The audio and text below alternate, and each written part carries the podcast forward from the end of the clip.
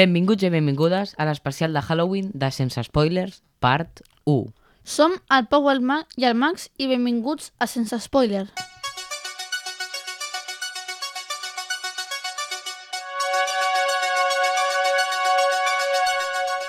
Comencem aquest especial amb les estrenes. Cerdita, disponible el dia 14.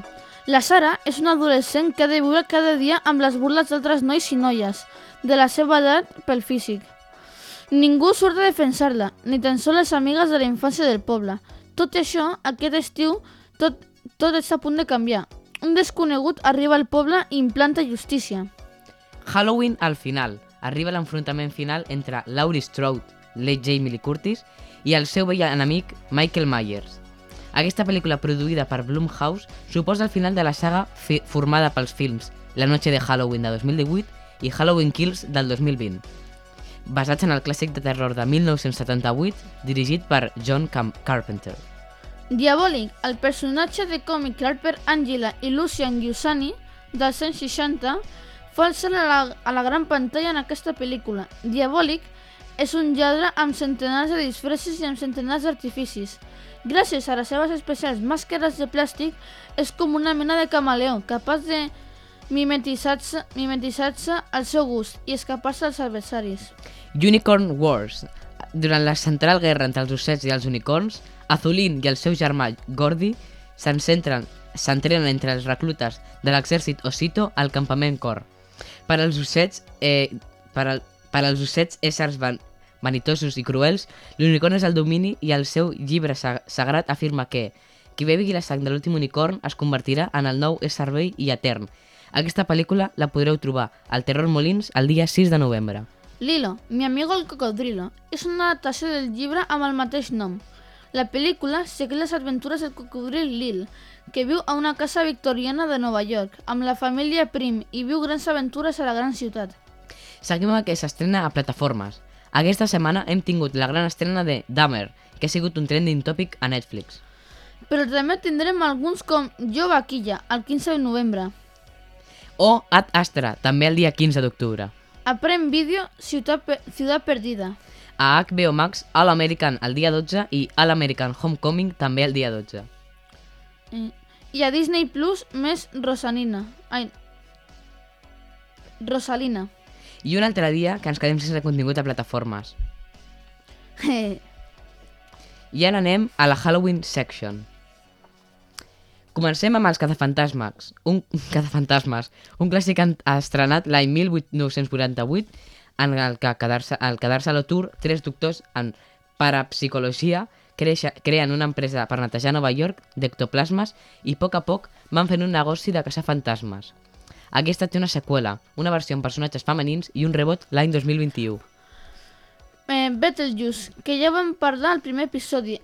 Es va estrenar l'any 1988. Les bruixes de Roald Dahl, estrenada l'any 1990, tracta sobre el Luke, que és un nen apassionat per les històries de misteri. Un dia, les llegendes explicades de la seva àvia sobre l'existència de les bruixes o introdueixen l'introdueixen a un món misteriós. Aquesta té una seqüela estrenada l'any 2020, que ens va agradar molt.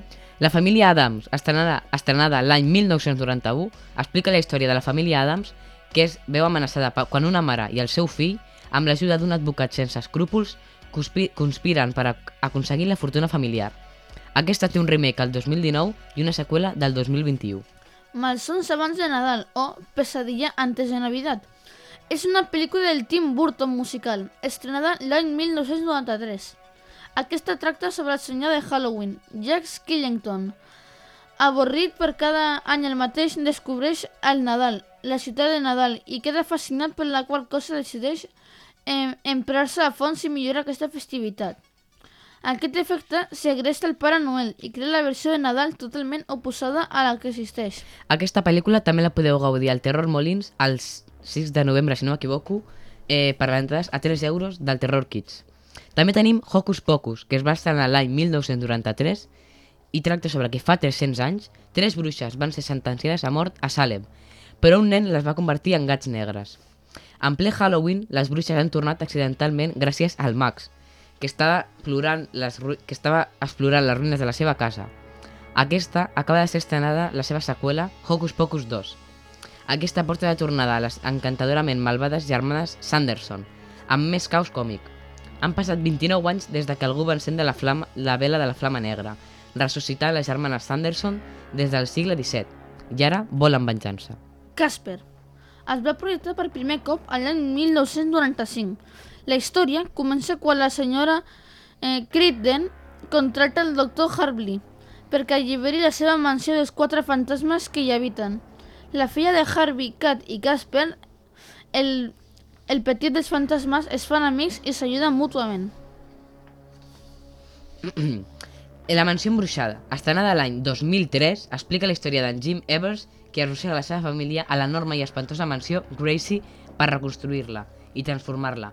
Però només arribar, la família comprèn que no està sola, ja que apareixen ja que apareixen 999 macabres i simplets fantasmes desitjosos de conèixer gent nova. Comencem aquesta secció especial amb pel·lícules del 0 als 7 anys. La nòvia cadàver, estrenada l'any 2005 de, per Tim Burton, explica la història d'en Víctor quan, pensant que és un arbre, posa un anell de compromís al dit d'una dona morta. El que no sap és que la morta reclamarà els seus drets com a promesa. Monster House està sota la classificació de 7 anys, encara que la posaríem dins de la dels 12. Aquesta es va estrenar l'any 2006 i tracta sobre en DJ Walters, que està convençut de que a la casa del seu veí hi ha alguna cosa estranya. Quan la seva amiga Jenny està a punt de ser menjada per la misteriosa casa, ningú creu en els espantats nois, així que decideixen investigar l'enigma pel seu compte. Hotel Transilvània, que es va estrenar l'any 2012. Aquesta tracta sobre en Dràcula, qui viu amb la seva filla Malvis en un hotel luxós creat per protegir els monstres de l'amenaça dels éssers humans. Tot i això, la tranquil·litat del lloc es veurà interrompuda amb l'arribada de l'ésser humà. Aquesta saga consta de tres títols més, Hotel Transilvània 1, 2, 3 i 4. Com passa bastant sovint, la primera és millor que les quatre. El meravellós món d'en Norman, estrenada l'any 2012, quan el petit poble on viu el Norman es veu assajat per zombis, tots els seus habitants només poden recórrer a l'incomprès Norman, que sap parlar amb els morts. Però aquest jove xiuxejador, els fantasmes dels fantasmes veurà les seves activitats paranormals propulsades fins als límits d'un altre món. Frankenwein, també estrenada l'any 2012, tracta sobre en Víctor Frankenstein i el seu experiment científic que du a terme per ressuscitar el seu adorat Sparky. Aquest l'obligarà a afrontar les terribles situacions de conseqüències imprevisibles. Aquesta està dirigida pel Tim Burton. Ara tenim dues pel·lícules que tracten sobre la tradició del Dia dels Muertos mexicà. El llibre de la vida, estrenada l'any 2014, durant el, dia dels, durant el Dia dels Morts, unes trapelles acudeixen a un museu. Allí la seva guia els ensenya el llibre de la vida, que guarden totes les històries, inclosa del Manolo i el Joaquín, amics inseparables fins que es rivalitzen per l'amor de la Maria. Coco, que es va estrenar l'any 2017, aquesta narra la història del Miguel, que és un nen que somia en ser músic, però la seva família li prohibeix, perquè el seu rebesavi músic malson... No, el seu no, el seu rebesavi músic es va abandonar i, i volen obligar a Miguel a ser sabater, com, que els membres, com tots els membres de la família. Malsons o Pesadilles, inspirada en els llibres de R.L. Steins i interpretada per Jack Black, es va estrenar l'any 2015. En aquesta, en Zack acaba de mudar a un petit poble i ella viu amb l'R.L. Stein, un escriptor de llibres que és el seu veí. Aquest escriu relats de terror. El que no sap és que són més reals del que semblen. Aquesta també una, té una segona part, que es va estrenar l'any 2018. I algunes de 13 anys. Tenim Gremlins 1 i 2, que són pel·lícules que van inventar la classificació de 13. Aquesta tracta sobre un viatjant que busca un regal especial per al seu fill i en troba en una botiga de Chinatown. El propietari de la botiga és reticent a vendre-li el Mugway, una tendra però estranya criatura. Només segueix les normes i tot anirà bé. Ara, no les compleix, eh? També tenim la meva pel·lícula preferida, La petita tenda dels horrors, un musical de terror de l'any 1986 on el Seymour, un jove dependent d'una floristeria, està enamorat de la seva companya Audrey, però surt amb un sàdic dentista. Un dia, just després de l'estrany eclipsi, el Seymour compra una petita planta carnívora, que bateja com a Audrey 2. Agafem, agafem aquells fantasmes, un clàssic del 96, tracta sobre l'expresidiari amb poders psíquics i tres, i tres fantasmes am amics han de ser detenits per l'esperit d'un assassí en sèrie. Les cròniques de Spiderwick. Els dos germans bessons, Jared i Simon, i la seva germana Mallory, es muden al vell casson del seu oncle Arthur Spider Spiderwick. Dels, tre dels tres nens, Jared sempre ha estat més problemàtic. Així que quan comença a passar coses estranyes a la casa, la mare i els seus dos germans el donen la culpa. És una pel·lícula junta amb fantasia amb el terror.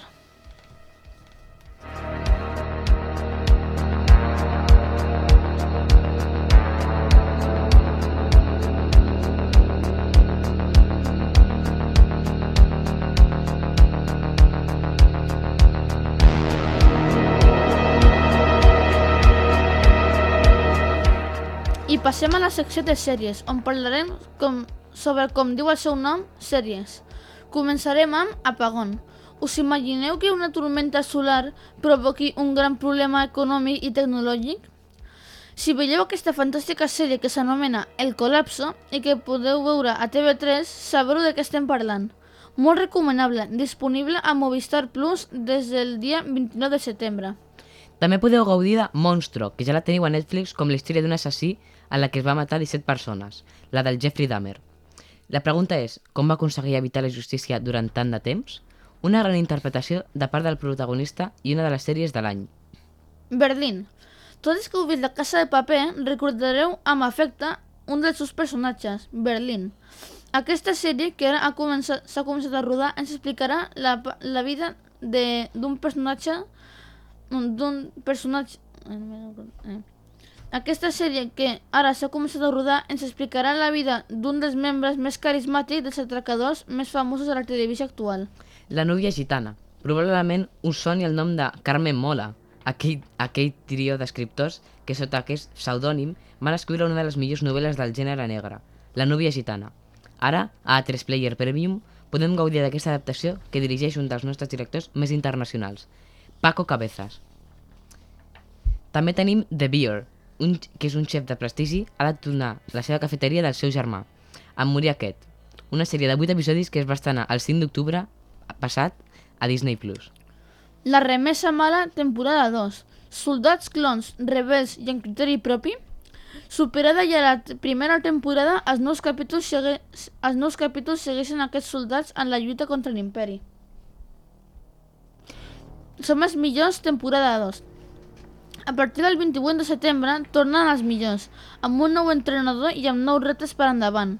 En aquesta nova temporada, els nous jugadors d'hoquei preferits faran noves amistats i hauran de sobreviure a un entrenament dur. The Old Man. També des del dia 28 de setembre a Disney Plus ens porta aquesta sèrie que podria englobar-se al noir americà i que protagonitza el gran Jeffrey Be Jeff Bridges. Anava a dir Jeffrey Bezos. La història segueix un exagent de la CIA que es veu obligat a escapar després de que intentin acabar amb ell per alguna cosa relacionada amb el seu passat. No expliquem més que val la pena molt. També, també aprofito per recomanar-vos Pesadilles, una sèrie passada en els llibres d'R.L. Stein i en la pel·lícula del 2015. I degut a que estem a l'especial de Halloween, us hem preparat una altra petita secció amb un tema que sabem que us agrada a la majoria. Comencem amb From, ja HBO Max. Un poble situat al centre dels Estats Units atrapa tot aquell que el visita. Aquests que arriben han de quedar-se viure en criatures estranyes mentre intenten escapar-se. El Club de la Mitjanit, a partir del 7 d'octubre a Netflix.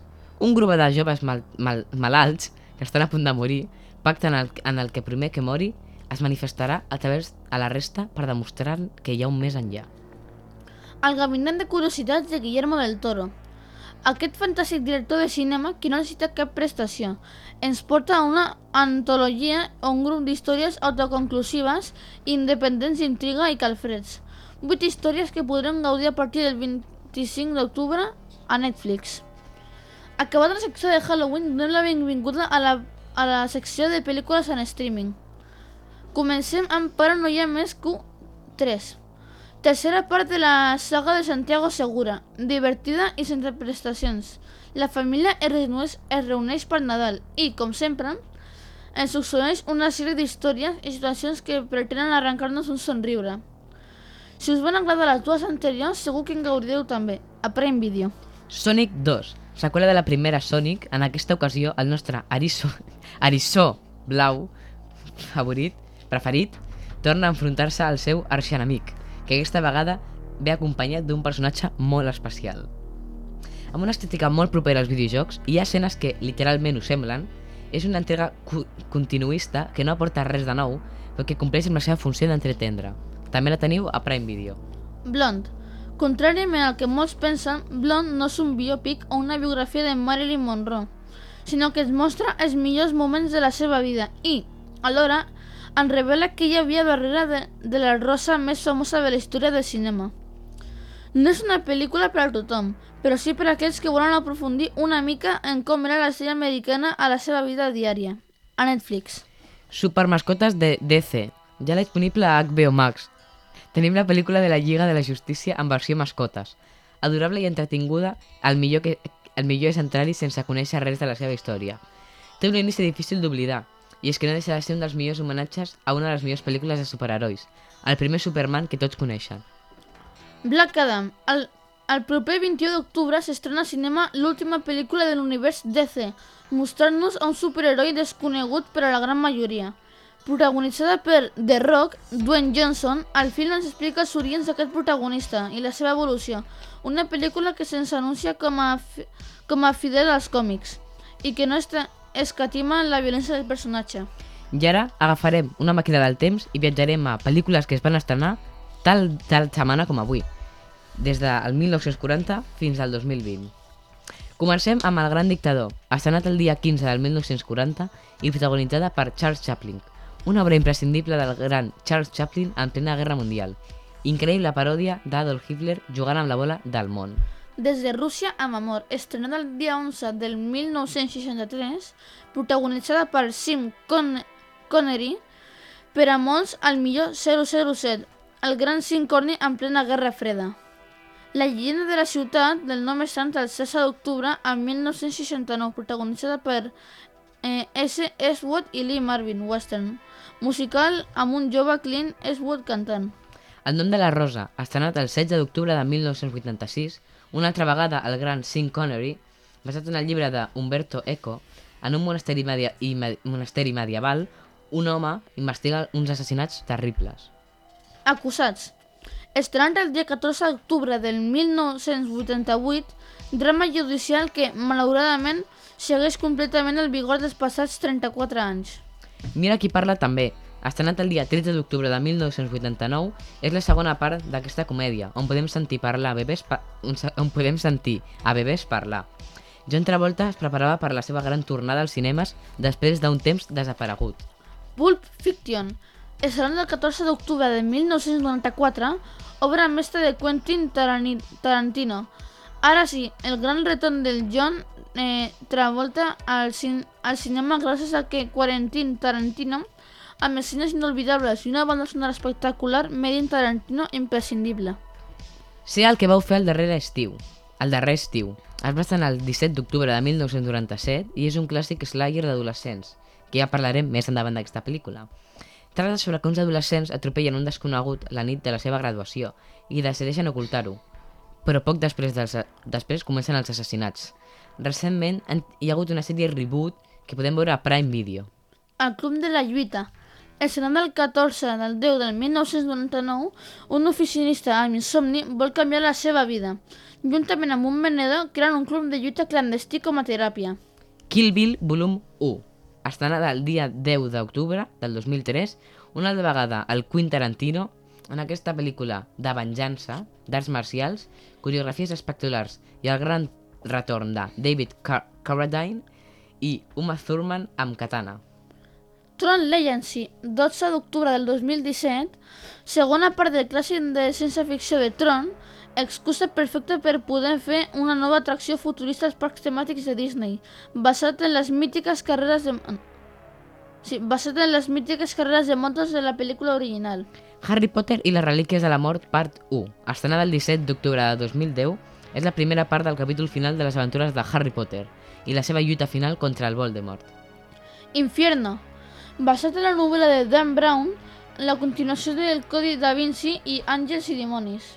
Feliç dia de la teva mort, el dia es va estrenar el dia 12 d'octubre del 2017 i és un altre slayer adolescent, del qual ja parlarem més endavant, amb una certa barreja de atrapat en el temps i un divertiment, i, un, i un divertiment sense més. Bueno, i un altre tema bastant interessant i que es debat molt últimament és la durada ideal d'una pel·lícula. Tu, Pau, quan creuries que és la durada ideal d'una pel·lícula per tu, per als teus gustos? Mm, 90 minuts, perquè si dura més, no la veig. O sigui, per exemple, l'altre dia vaig estar veient una pel·lícula que es diu Mr. Harrigan's Phone a Netflix, durava una hora 50 i no la vaig veure. O sigui, em vaig dormir. O sigui, és que no pots fer pel·lícules de més d'una hora i mitja, perquè em dormo. I a més em van dir que no era molt bona, que era una pel·lícula que basada en un relat de R.L. Stein i que semblava que fos molta més por al tràiler, però que després no, no fa por. Bueno, jo crec que, bueno, com a mi m'agrada molt l'univers de Marvel i DC, la majoria de pel·lícules duren unes dues hores, alguna una mica més, i jo la veritat és que sí que les gaudeixo, encara que de tant en quant m'agrada veure pel·lícules així més tranquil·les, més normals, i, i la veritat és que té raó el Pau, jo més de hora i mitja, hora 40 no, no m'agrada molt, perquè clar, hi ha vegades que tu veus la peli i tens un objectiu clar de la peli, però no te'l donen fins molt de temps després, i és com que no val la pena a vegades. Estava veient Hocus Pocus 2 al Disney Plus el dissabte i és que eren dues hores i deu i era, o sigui, no ten, era migdia, sigui, era, no tenia son, però era eh, ja, no? O sigui, no, no acaba mai. Bueno, sí, a vegades, si no t'agrada la pel·lícula, no, no t'agrada molt, doncs que se, se't fa molt llarg i a vegades diu, no val la pena, no? Perquè, clar, Pel·lícules que durin més d'una hora i mitja i que les vegui tranquil han de ser al cine. Perquè si no, és que o em dormo o m'avorreixo, és complicat. Bueno, a veure, a mi, a mi m'agraden, o sigui, jo les coses com són, a mi m'agraden les pel·lícules... Bueno, clar, depèn de quines, saps? Perquè em té que agradar molt la pel·lícula. Perquè si no és que dues hores no... Tu no estàs allà mirant la pel·lícula. I has de dir una cosa molt important a, a tothom i és que tenim la millor pel·lícula de comèdia que s'ha estrenat en als anys 2000 anomenada, anomenada eh, Noche de Juegos. És una pel·lícula de comèdia del 2017, si no m'equivoco, on uns amics que juguen, que fan tardes de jocs, eh, queden per fer un joc una mica estrany. Mm, és una comèdia molt bona, mm, si la veieu entendreu per què, perquè és desconeixement, és, bueno, són un grup d'amics i van a fer un joc eh, de, com de misteri i han de trobar eh, un assassí en un joc de rol. Però entren uns segrestadors de veritat i, i ja la, està, el que sap que són de veritat allà patint i els altres estan, ah, sí, bona actuació, és, és molt bona, l'heu de veure. No sé a quina plataforma està, però l'altre dia estaven donant pel Neox, eh, l'heu de veure. Bueno, una mica enganyen, no? Els, els que pensen que la baralla és de, de ficció, no? Sí, i, i a més és d'aquestes de que té com 5 girs de guió, et va... Eh, no, sí, no, és molt bona. Bueno, a mi aquests girs de guió m'agraden, però a vegades et fan peces perquè estàs com molt, molt cabeçuda amb, amb una teoria de la pel·lícula de com, com seguirà i tot, però, però no, saps? Sí, és molt, no sé, estan bé, però no, no masses, no masses. Això passa molt en les pel·lícules de, de misteri, d'assassinats, que clar, tu la veus i és molt difícil saber qui és l'assassí, perquè potser et donen proves però que són diminutes i sabent qui és l'assassí tindries que fixar-te un altre cop mirant la pel·lícula en on et donen aquestes, aquestes proves. Saps? Jo vaig a fer una, una revelació eh, que ara potser mm, us fastidi de les pel·lícules de misteri, però en una pel·lícula de misteri eh, hi ha gent que porta iPhones i altres que porten Android, l'assassí és el que porta Android perquè Apple mai vol que els dolents portin Apple, així que si, si hi ha una pel·lícula veieu que algú porta Apple i els més Android, segurament sigui l'assassí. Sí, bueno, això va fer un... L'Apple ho va declarar fa un temps, que clar, ells no, no volen que tu els hi pagues per utilitzar l'iPhone, l'únic que volen és que els dolents no portin iPhone com perquè la gent que vulgui ser la bona, doncs com que se li, se li enganxi.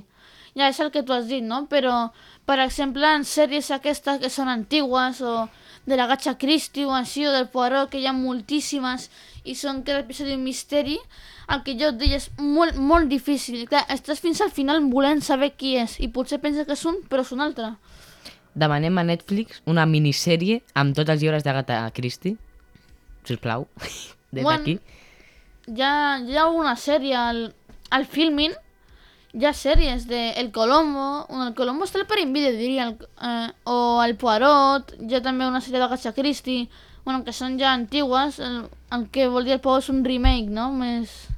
Hi ha una sèrie que vaig veure jo a Movistar Plus que mm, basat en el llibre de 10 negritos que es deia 10 soldadets Jo també. que em va agradar molt perquè bueno, és molt interessant. Basada en el llibre van fer alguns canvis però està molt bé I molt tètrica en algunes parts, no? Bueno, jo no diré res, però em sembla que eren tres episodis, no? mm, sí, tres, però d'aquests que duren com una pel·li Sí. cadascun Sí, me'n recordo que les vam anar a veure a la nostra família, vam veure un i vam dir, bueno, mirem l'altre, no? I ja era tard, però vam dir, home, amb la història com va i tot, l'acabem. I vam acabar, me'n recordo que molt tard, i la història com a mi, doncs, a vegades se'm fiquen molt al cap les coses, no dormia tranquil, perquè hi ha parts de veritat molt, molt tètriques. I quan te n'adones que és l'assassí, el que fa i tot, també t'impacta molt. Sí, em, el que. Mira, jo, per exemple, estic veient una sèrie que eren episodis... Era una semiestafa de... El primer episodi és una hora i mitja, després són de 40 i després són tots de 50. És de... Són quasi com una pel·li cada episodi. I llavors és... Ai, bueno, s'ha de veure, ai, no sé què. I, i s'extén al final. No sé si t'has plantejat alguna vegada que, clar, tu veus unes sèries que tenen episodis d'una hora i potser hi ha 5-6 episodis i tu veus una pel·lícula que dura una hora i mitja i do, o dues i clar, jo a vegades se m'ha passat moltes vegades pel cap que és si cada episodi de la sèrie triga una hora no farà que dos episodis hagin trigat el mateix que una pel·lícula? Volem sèries de 20 episodis de 20 minuts. 22. Sí, bueno, això és com l'ideal una mica, no? Els 21 minuts que tu ho veus en petits intervals de temps i, i va bastant bé, sí, sí. A nosaltres el que ens agrada, encara, encara que també hi ha vegades que t'ho deixen en, en cliffhanger i això sí que mm, és molt... una mica fotut, perquè, per exemple, el Cobra Kai, no sé si l'haureu vist, però jo, amb el meu germà, clar, miràvem cada episodi i, i clar, per la nit, el típic que dius un episodi me'n vaig a dormir. Clar, el veus i vols quedar-te a mirar un altre, però no pots. I ja tens que esperar fins al dia següent per poder veure-ho. Això el cliffhanger, clar, té... Va bé per atraure clients, però als clients no, no sempre té que agradar-los, no? Perquè clar, quedes com la intriga i com la, la necessitat de saber com continua com acaba. Jo m'acabo de recordar de dues pel·lícules de por de la categoria 12 anys, crec que era 12 anys, eh, que estan molt bé, eh, són de la saga Escape Room, eh, és el típic joc que es va ficar de moda, els Escape Rooms, doncs són 8 persones, crec, que, és, que entren tots a una sala i pensen que van a jugar a un escape room, però és un escape room en el que si fallen no surten vius. Una oportunitat, no? Sí, em, està molt bé, o sigui, sí, perquè és com, té diferent trama, i després a la segona part, que, pues, canvien els personatges i, i són noves pistes, que, o sigui, és la pel·lícula de que un cop ja l'has vist és molt bé, o perfecta, però quan no l'has vist és, què passarà? Bueno, m'intriga, no? El que, que jo deia, que, que no pots deixar la pel·lícula a mitges perquè després no dorms, no dorms segurs, no? Que de ser què passa, què passa, què passa. Jo haig de dir una curiositat sobre aquesta pel·lícula i és que la vaig anar a veure gràcies a Sony un mes abans de l'estrena i quan la van estrenar van canviar tot el final i tot el principi de la pel·lícula. O sigui, tenia un diferent final. Sí, Llavors, si haguessis fet una crítica, no... O un... Lo típic de resumen en 10 minutos o no sé què, seria diferent, no? ara no sé, no està a plataforma gratuïta, però a Prime Video podeu comprar els dos finals. comprar. Sí, però no està per veure gratuït, però si la voleu veure vaig estar cotillejant i et ven volumen 1, volumen, o sigui, final 1, volum, final 2. Ah, Això, això és com un videojoc d'aquests de món obert, no? Que depèn del que facis té diferent final. Clar, això és també una mica per fer negoci, no? Comprar el, el final 1, comprar el final 2, no? Jo he vist un resum dels dos finals, un el vaig veure, i l'altre és el mateix, l'únic que afegeixen nous personatges, Mm. a l'inici i al final. Canvia molt el sentit, i llavors, clar, un no té informació, però l'altre et dona molta informació, crec que inclús massa sobre la saga de qui és l'assassí, no sé què, i, i per això. Però sempre les d'Escape Room acaben totes amb un final obert que m'agrada molt. Sí, sí, sí, i també que com que obren les portes a una nova saga, no? Com les pel·lícules de Padre Más que uno, no? La, la trilogia que, que et diu s'espera una nova pel·lícula. Clar, i tu, doncs, ja saps que hi haurà una següent, llavors et quedes com amb l'ànsia.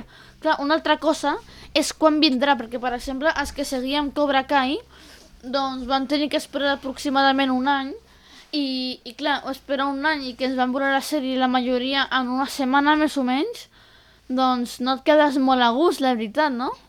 Bueno, pel·lícules que, que no acaben mai. Halloween, per exemple, que Halloween Ends, al, al final, que l'estem el dia 14, esperem que acabi ja la saga perquè porten des de 1978 pel·lícula, fent pel·lícules i, i si continuen allargant-ho tota l'estona, no sé, no sé fins a quin final, fins a quin punt es pot fer avorrit. Però què és? Tema sitcoms o és una sèrie que tota l'estona acaba obert i...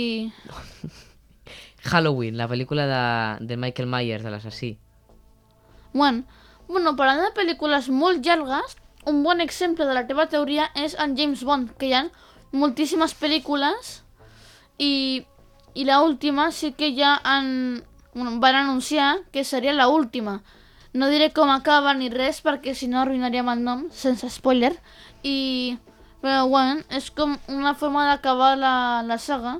O per exemple els Simpsons. Els Simpsons, no sé si sabeu, però encara segueixen produint els episodis i porten des de, bueno, des de fa molts anys, molts anys, molts anys.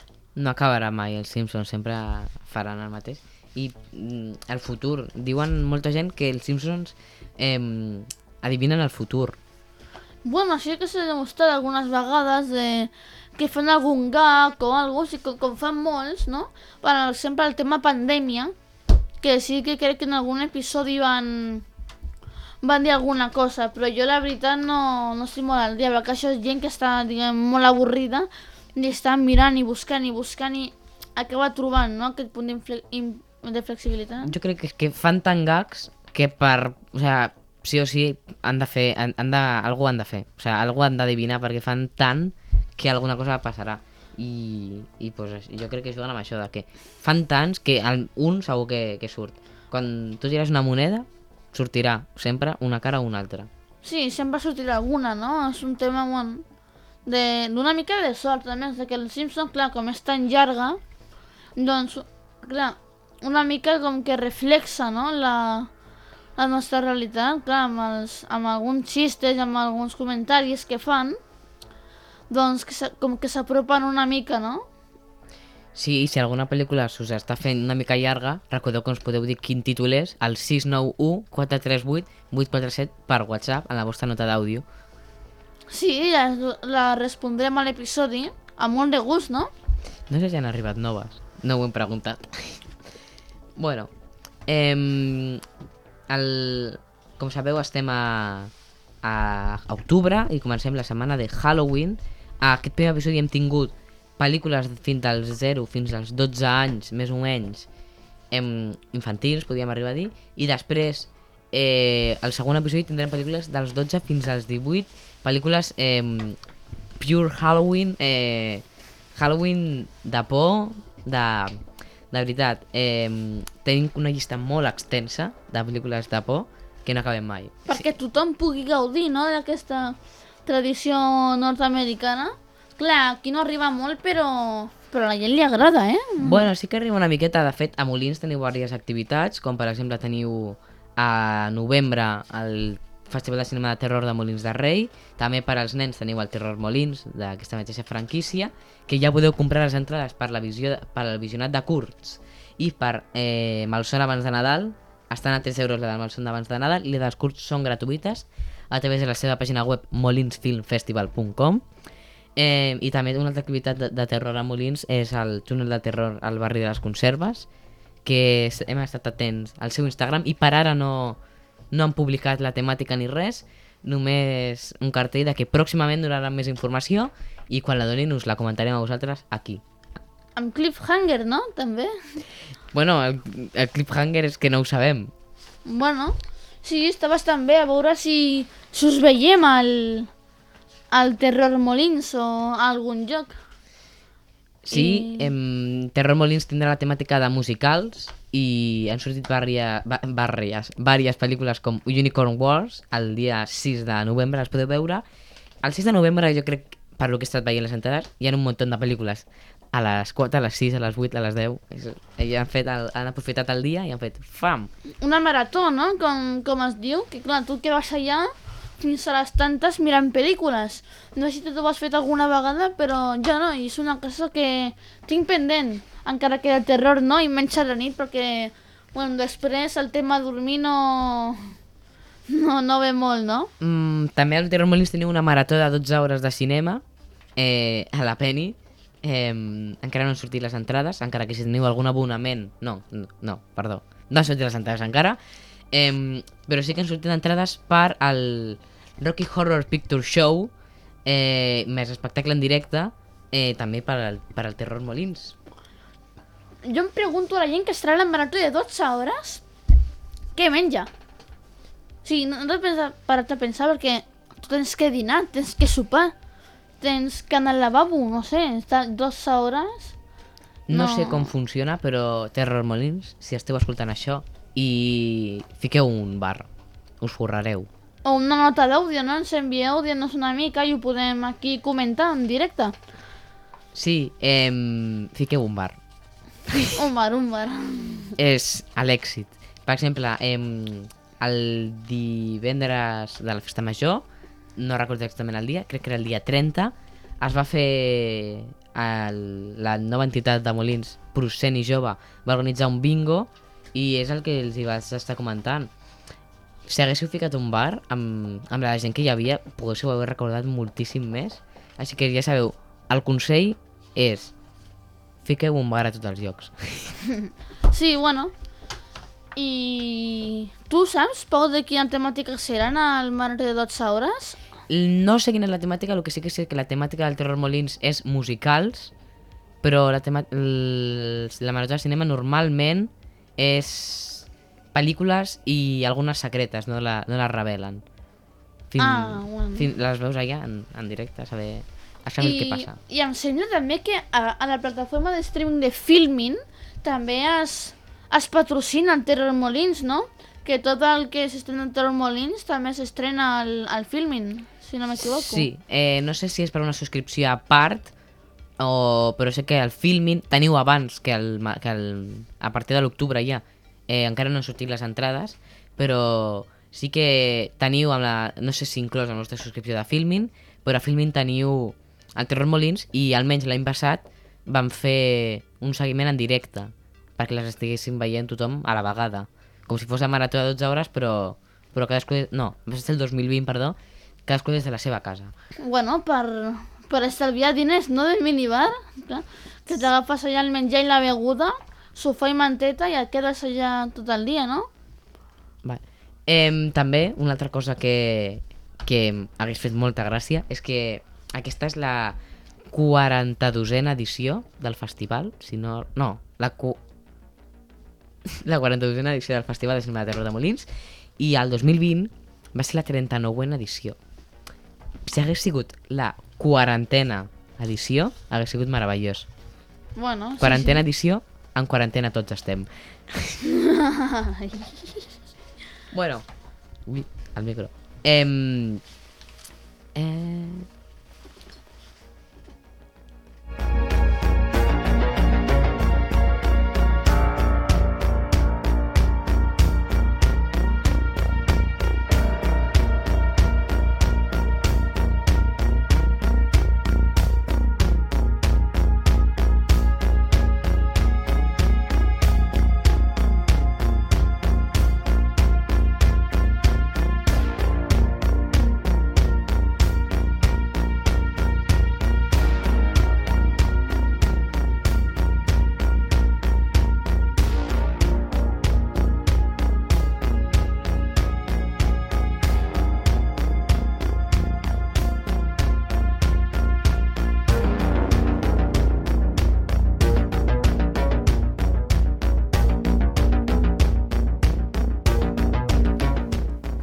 una altra cosa important és que la pel·lícula que vam recomanar l'altre dia, Smile, que s'estrenava, eh, m'ha dit una persona de confiança que la seva millor amiga l'ha anat a veure, la volia anar a veure, però que ha vist el tràiler i que no ha pogut més. I que, No? i, I que té les entrades ja i és... Oh! Eh, no sé, és una de les pel·lícules que tinc ganes de veure, a part de Halloween el final. No sé, crec que pot estar interessant. Eh, també estaria interessant que escoltéssiu la segona part d'aquest programa eh, d'aquí dues setmanes i des d'aquí fem una mica de cliffhanger en, us diem adeu I bueno, recordeu que sempre ens podeu enviar una nota de veu al telèfon de 691 438 847 i la respondrem aquí. Recordeu que al pròxim episodi parlarem sobre pel·lícules ja de 12 anys fins, fins a dalt. Fin, bueno, una mica totes, no?, que engloben. I, bueno, si... Bueno, ens despedim des d'aquí, no?, des de Sense Spoiler i us desitgem un, un bon dia.